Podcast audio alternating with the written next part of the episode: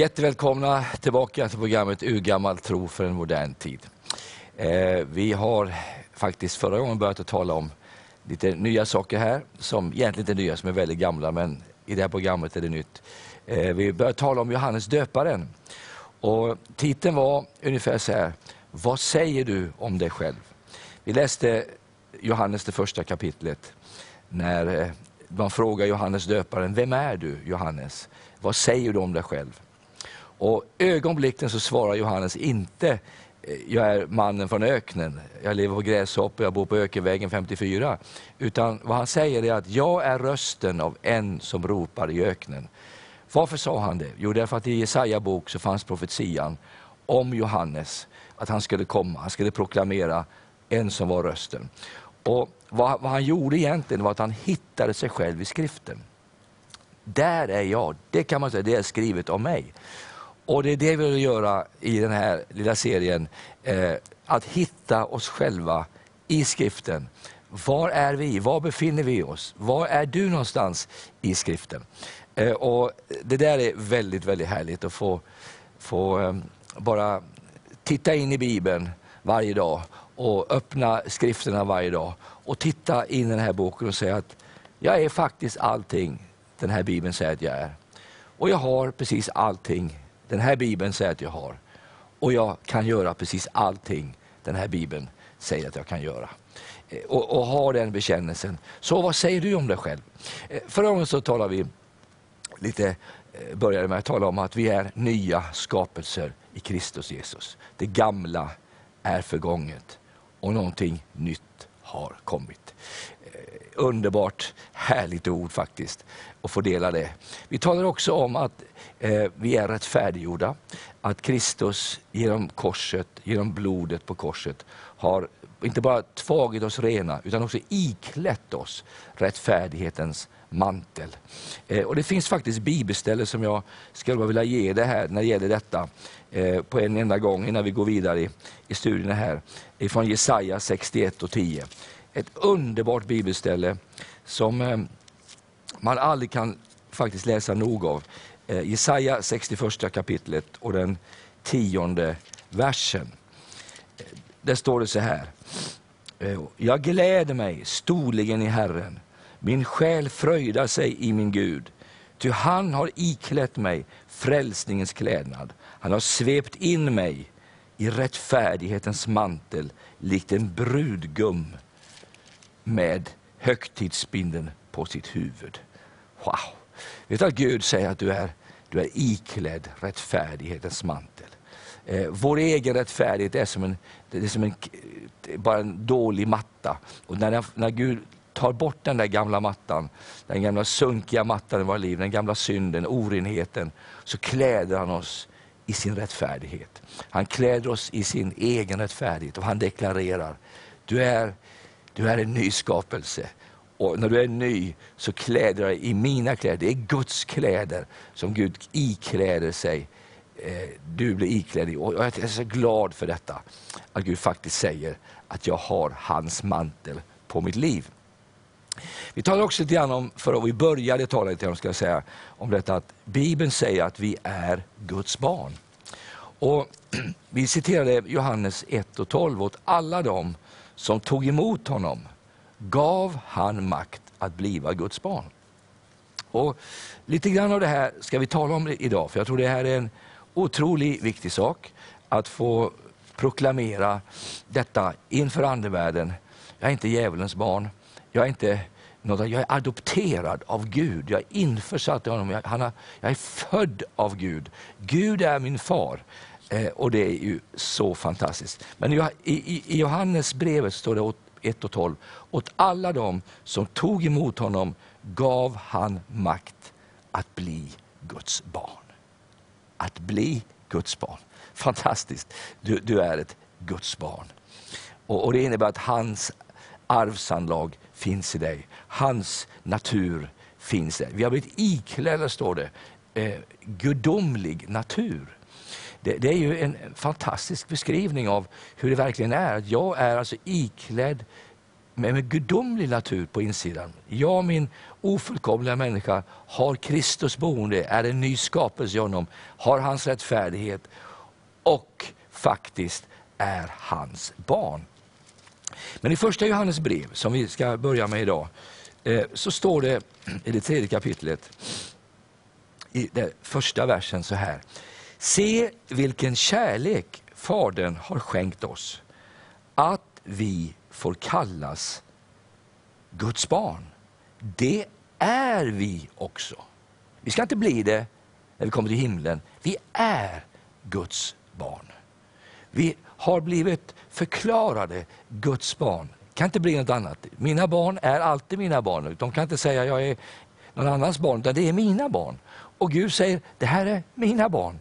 Eh, och en, en fader som älskar sina barn, han beskyddar sina barn. Och barnen som eh, faktiskt kommer till pappa är glada, saliga. Ett litet barn är aldrig oroliga hur det går på börsen idag. De bekymrar sig inte. De vet att pappa, han tar hand om mig. Han försörjer mig. Han är min pappa, han är min försörjare. Och det är väldigt, väldigt härligt och se detta att på samma sätt som vi som vanliga föräldrar tar hand om våra barn, så tar Gud hand om sina barn. Så är du ett barn till Gud, då har du också Guds omsorg om ditt liv. Han kan inte lämna dig, han kan inte försaka dig. Han kommer alltid att vara nära dig. Eh, Bibeln säger, Jesus säger att ni ska, om ni vill bli stora så bli små som ett barn. Och I ena versen står det att ni ska bli som små barn, inte, inte tonåringar. Inget fel på tonåringar, Gud välsigne alla tonåringar.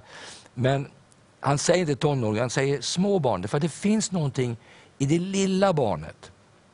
Det här barnet som är litet, ofullkomligt, det har inte utvecklats så mycket än, men det gör en sak, det älskar mamma och pappa. Jag minns en gång jag var barnvakt åt ett av mina barnbarn. Och han hade inte sett mig på ganska länge, så jag var ju egentligen lite främling då. Och när hans mamma gick in i affärscentret så bara låg han och grät och grät och grät. och grät. Jag tänkte, ja hallå, jag är din farfar, jag älskar dig, eh, och jag är pastor och predikant, men det hjälpte inte. Han blev inte lugn förrän mamma kom. Det finns ett förhållande mellan en mamma och ett litet barn. En pappa och ett litet barn som ingen annan främling kan komma in och störa. Det bara är pappa som gäller. Man säger, åh vad hemskt han är pappi eller han är mammi. Ja, det är någonting fint med detta. Och jag tror vi ska vara precis likadant som Guds barn. Vi ska vara det här lilla barnet i Guds hand. Eh, vi kommer aldrig bli stora i hans ögon. Eh, du kommer alltid vara det lilla barnet och han kommer vara din pappa i alla tider, i alla generationer. Så är det så.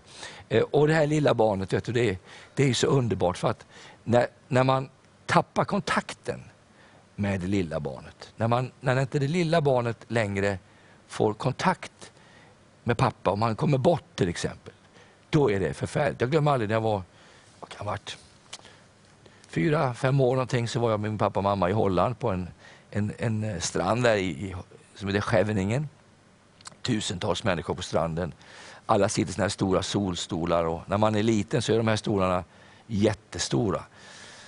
Och jag lekte där i sanden och rätt som det var, jag vet inte hur det gick till, så tappade jag kontakten med, med mamma. Och jag kan än idag, än idag kan jag känna den här enorma eh, oron och bekymren som kom över mig när, när mamma inte längre var där.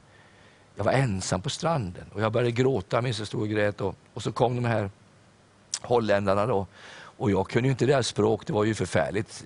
De talade ju långt här nere, hull och hull och hull. Jag tänkte, jag vill inte ha hull och hull, jag vill ha mamma. Jag vill, inte, jag vill bara ta på min mamma. Jag ropade bara mamma, mamma. Och någon lyfte upp mig. Och till slut stod de till en polisstation.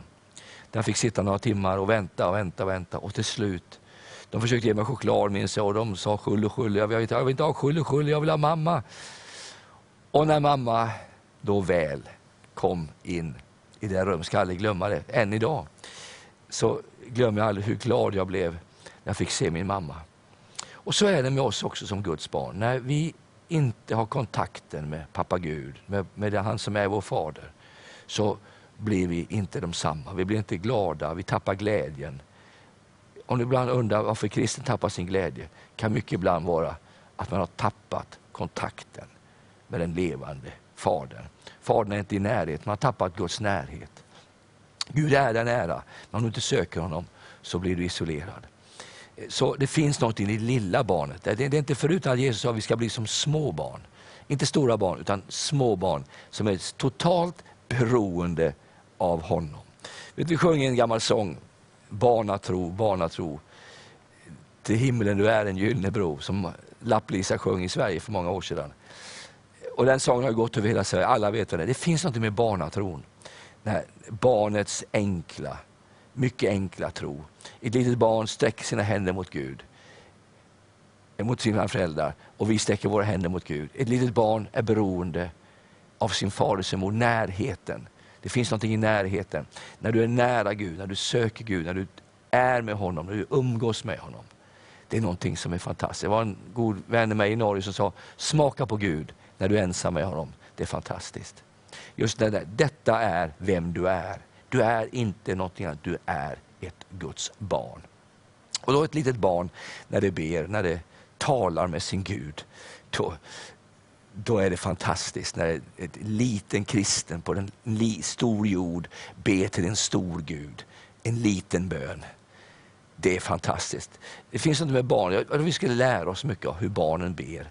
Eh, Ibland skulle vi kanske lyssna på våra egna böner. Har du någon lyssnat på dina böner? Hur du låter när du ber själv?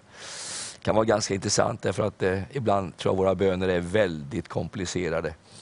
Du Fader som är på tronen, ovanpå tronen, under tronen vid sidan av tronen. Vi har majestät och ära och, ära, och vi håller på med några vackra ord. Men barn är annorlunda. När de ber så ber de mycket enklare. De, de, de ber på det, det enkla sättet. För några år sedan så blev min fru lite sjuk. Hon, eh, hon, eh, hon hade faktiskt riktigt sjuk. Hon hade gallsten. Det var en sån svår, jättesvår eh, omgång hon fick och, och, vi undrade egentligen hur ska det gå. Och hon blev bara sämre och sämre. Hon låg på golvet och bara grät och grät. Och smärta. Hon brukar aldrig gråta för smärta men hon var fullständigt intagen av smärta. Hon sa efteråt att jag föder hellre fem barn igen än är med om att känna den smärta som jag kände den här dagen. Till slut ska vi inte åka till doktorn och jag bad, du på tronen, under tronen, över tronen och allt det här. Men ingenting hände. Och vi åkte upp till akuten, till sjukhuset. Vi kom upp till sjukhuset så, så äh, säger läkaren bara att det, där, ja, det här är allvarligt. Stenarna hade gått upp i, i levern och äh, det var en allvarlig situation. Värdena var väldigt höga. Så jag ringde hem till min dotter eh, Therese och hennes barn, då, min äldsta barnbarn, han var fyra år då tror jag, Felix hette han. Han eh, fick höra att mormor var sjuk. Och du ska se, han gick in på sitt rum, han stängde dörren. Och vet vad han gjorde? Han började ropa till Jesus. Men han bad inte sådana här bön som jag bad. Upp på tronen, över tronen, vid sina tronen, i härlighet och majestät och ära. Och allt det, det Nej, vet du vad han gjorde? Han gick rakt in och sa han, Jesus, fixa mormor nu. Det var bönen. Den var ju inte sådär jätt, kanske speciellt kyrklig, men det var en enkel bön från ett barnahjärta. Och vet att jag tror vi skulle lära oss mycket mer. Jesus sa att vi ska bli som barn. Det här, enk när jag, det här förändrade mitt böneliv, den här händelsen faktiskt. Jag förstår att Gud är väldigt enkel. Gud hör bön. Det tog bara några timmar. Så började smärtan att försvinna på Monica och hon, hon, eh, och vi fick komma hem. Men vad han bad också, den här lille pojken, han sa Jesus, hjälp mormor att hon inte äter sten mer att hon äter jord på, i, i, jorden. För han tänkte att hon hade gallsten, då måste han ha ätit sten på jorden. Så han sa, Jesus hjälp att hon inte äter det. Och låt det gå på, ut på toaletten så att alla stenarna kommer ut. Läkaren, läkaren sa några dagar senare, fru Severin, stenarna är faktiskt borta nu. De gick ut den naturliga vägen. Jag tänkte, wow, det var en liten fyraårig pojke som bar den där enkla lilla bönen så att, de skulle, så att mormor skulle bli frisk. Han visste inte att hon, det var inte att hon, mormor hade ätit jord, får se, att det var en galse, men han hörde stenar och han bad. Och Gud hörde en barnabön. Och jag tror, förstår du, att det finns någonting i det här med barn som knäpper sina händer och ber i sin enkelhet till den levande guden. Gud hör barns böner. Och Gud hör dig när du enkelt ber Gud. För du är ett Guds barn. Ett barn kan alltid komma sin pappa och pappan är alltid med ett barn. En sann pappa.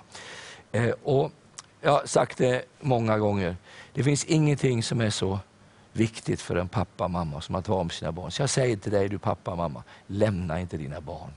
Överge inte dina barn. De behöver dig. Det finns någonting med det lilla barnet och pappan. Det finns ett förhållande där. Likadant säger Gud till dig. Jag är din fader i himlen. Jag ska aldrig lämna dig. Jag ska aldrig överge dig. Du är alltid med mig. Fantastiska tanke. Jag glömmer aldrig när jag var tio år gammal så byggde jag båtar. Jag tyckte om att bygga båtar. Eh, och min gode vän och jag vi byggde en, en liten jolle som vi skulle sätta ner i en kärn, en mosse som vi säger på svenska. Det är en, en typ, typ sjö som man aldrig får faktiskt sätta fötterna i botten i för att då sugs man ofta ner i den här gyttjan och man drunknar. Men vi var ju unga pojkar, vi tänkte vi byggde den här båten och så skulle vi undra vem ska köra den här båten och vem, vem, ska, vem ska vara kaptenen på båten? Och då fick vi bara för oss att till slut att det var jag som ska vara kaptenen och vi band ett snöre i båten och ett rep och så körde vi ut båten och jag hoppade i båten. Vi skulle ut och titta på fiskägg ute på den här lilla ön lite längre ut. Så jag paddlade ut, tittade på äggen och började paddla tillbaka. Men på vägen tillbaka så tittade jag ner i båten, så läckte båten. Vi hade gjort en dålig båt och, den, och jag kunde inte simma. Eh, så jag ropade på min gode vän Bosse hette han. Bosse, dra in båten, vi måste, jag håller på att drunkna. Så inte jag ramlar i. Och han drog till och repet gick av. Så han föll i på andra sidan, det var en sån här udde som gick ut. Och när han, men på något sätt så kom han upp och han var genomblöt. Så sa han, nu går jag hem till min mamma, sa han. Så han sprang iväg och så sa han till mig på vägen, lycka till! Ja, det var ju också ett sätt att säga, men, men han var, vi var bara tio år och det har jag glömt för länge sedan att förlåta dem för. Men, men han sprang iväg i alla fall och jag, jag, såg bara att båten sjönk och sjönk och sjönk och så såg jag såna här tuver, grästuver. Jag tänkte om jag kan hoppa på en sån så kanske jag kan få hjälp här. Men, men, men det, det såg omöjligt ut. Och jag visste att om några minuter så är jag död. För går mitt fot ner i botten så sugs jag ner och kommer aldrig komma upp igen. Så jag hoppade på sån här grästuva. Men på vägen hem hade min vän Bosse sprungit på min pappa. Han sa att jag tror Carl Gustaf håller på att drunkna, du kanske ska försöka springa och rädda honom. Och min pappa satte full fart. Vet du, jag har aldrig sett min pappa varken förr eller senare springa. Man gjorde inte det på den tiden. Men den gången sprang min pappa. Jag har aldrig sett han sprang och han sprang och han sprang. Och han ropade på vägen, håll ut Carl Gustaf, jag ska hjälpa dig, jag ska komma och ta dig. Så du klarar dig. Och så skyndade pappa, för jag hoppade från tuva till tuva. Nu var det bara en tuva kvar och jag hade börjat sjunka neråt. Och min pappa hann precis till kanten, så han hann slänga ut repet till mig där jag var. Och när jag var där så visste jag en sak. Att nu kommer jag att bli räddad, för nu är pappa här. Pappa, min pappa, han är stark. Jag tror att min pappa är stark. Så han kommer att hjälpa mig. Och han drog mig in med sina starka armar från den här ön och så kramar han om mig. Jag har aldrig sett min pappa gråta, varken förr eller senare. Men den dagen då grät min pappa. Hans tårar kom ner på mitt huvud. Och så sa han så här, Karl-Gösta, jag ska alltid hjälpa dig. Jag ska alltid vara med dig. Jag ska alltid rädda dig. Åh, vad, vad skönt det var. Min pappa kramades nästan aldrig. Han var inte en krammänniska. Men den gången kramade han mig. Och jag kände hans kärlek in i mitt liv. Jag kände, pappa älskar mig. Han är med mig. Han uppehåller mig. Och är jag i nöd, då kommer han till mig. Och det var det som var det speciella faktiskt den dagen, att jag fick vara med om att nu är min pappa med mig alla dagar. Min pappa, jag kan säga, han sa inte mycket. När jag hade mitt bröllop så skrev han ett tal, och, så skrev, och det var skrivet tal. Så stod det så här, du har varit en bra pojk, lycka till. Han var inte en talare, men den dagen sa han, jag älskar dig. Vet du att i himlen finns det en Gud som älskar dig lika mycket? Du är ett Guds barn. Så våga och proklamera ut varje dag, jag är ett Guds barn. Varje liten pojke, varje litet barn säger alltid så här, min pappa, han är den starkaste pappan i hela universum. Han kan göra vad som helst. Och det är sant. Vår pappa i himlen är stark, han är mäktig och han kan göra allt vad han vill. Så våga deklarera för det första att jag är en ny skapelse. För det andra, jag är rättfärdig i Kristus Jesus. För det tredje, att jag är ett Guds barn. Fantastiska tanke. Du är rättfärdig, du är ett Guds barn. Du är en arvinge till Gud. Det, och det, det var nästa punkt, du är en arvinge till Gud. Du är Guds arvinge, Kristi medarvinge, står det i Romarbrevet, det åttonde kapitlet. Faktiskt är det så att du är, och när ett arv faller ut, det är ju när föräldrarna dör. Då det som de då har förs över till de andra barnen som då lever. Då får man arvet. Men inte när barnen dör, utan när föräldrarna dör, då faller arvet ut. Likadant är det med Gud. Det, var ju inte när, det, var inte när, det är inte när jag dör, när jag går till himlen som jag får mitt arv, som en arvinge, utan det är när jag lever här, på den här jorden. När han dog, då blev mitt arv giltigt. Så det som han har lovat, det som han har sagt i sitt ord, det gäller dig som hans barn. För du är ett Guds barn, ett levande Guds barn. Så låt oss gå till Romarbrevet här emot slutet av den här stunden.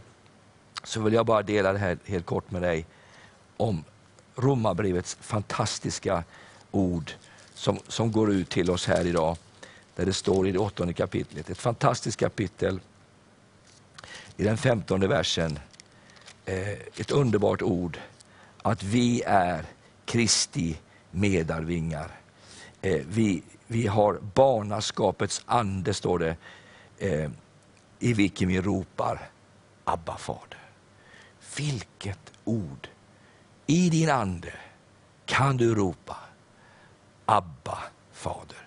I din ande så har du någonting som ropar, inte av fördömelse. För det finns ingen fördömelse för den som är i Kristus. Det enda gången en fördömelse kommer i ett barn. Vet, ett, ett barn är väldigt känsligt. Jag har sett på mina barn när de gör fel och säger, åh pappa förlåt, förlåt, pappa förlåt. Och man bara känner, nej. Men även om de har syndat så säger inte jag så här, nej men du är inte mitt barn längre. För jag tror att ibland så tvivlar människor på sitt barnaskap, även om man har syndat när man har gjort fel. Men ditt barnaskap tas inte ifrån dig för att du syndar. Men relationen, den berövar sin styrka i synden. Så därför måste du bekänna din synd inför Herren och säga, Far jag är ledsen för vad jag har gjort. Förlåt mig min synd. Och så gör man bättring. Vi tror inte på den här förkunnelsen som säger att vi aldrig behöver göra bättring. Jag tror den är djupt felaktig. Jag tror vi håller på att försöka få bort det här eh, ordet förlåt i, i kristenheten. Vi får inte ta bort kristendomen i kristenheten. Därför att kristendomen säger att om man har syndat, då ska vi bekänna våra synder. Och det skriver han till kristna i första Johannesbrevet, inte icke-kristna. Så när kristna gör fel ska de bekänna sin synd och göra upp det, och då bevaras relationen med Fadern. Men barnaskapet, det är där även om du gör ett misstag. Om mina barn gör sönder en fönsterruta hemma, inte säger jag, jag är inte din pappa längre. Det är klart jag är deras pappa. Jag älskar dem, de är mina barn. Men relationen berövas och då får man göra upp det där. Och likadant är det med dig. Om du säger till dina barn, du behöver aldrig göra bättre, du behöver aldrig göra förlåtelse. Du är alltid perfekt, du är rättfärdig, då, då blir dina barn arroganta till slut. Och likadant är det med oss. Om vi tar bort ordet förlåt i kristendomen så tappar vi något väsentligt. Det är viktigt att man gör bättring. Det är viktigt att man omvänder sig när man har gjort fel. För om man inte gör det så berövas relationen med Gud. Det kom en kille till mig en gång och sa så här. De säger hemma i min församling att jag inte behöver bättring när jag har syndat. För jag är redan rättfärdig, jag är redan ny skapelse. Men jag känner i mitt hjärta att jag har gjort fel. Mitt hjärta fördömer, jag måste bli av med det där. Vi fick be tillsammans, det var en väldigt härlig stund. Jag tror det är viktigt att vi som förkunnare inte tar bort det här. Inte negligerar det här, men samtidigt predikar vårt barnaskap. Samtidigt predikar att vi är nya skapelser i Kristus Jesus. Samtidigt predikar att vi är rättfärdiga i honom. Det är viktigt. Ska vi då följa med det nästa gång in i skriften. Vi ska bara fortsätta tala. Vad säger du om dig själv? Säger jag en ny skapelse? Jag är ett Guds barn, jag är en Guds medarvinge. och jag är rättfärdig. Gud välsigne dig. Vi ses igen.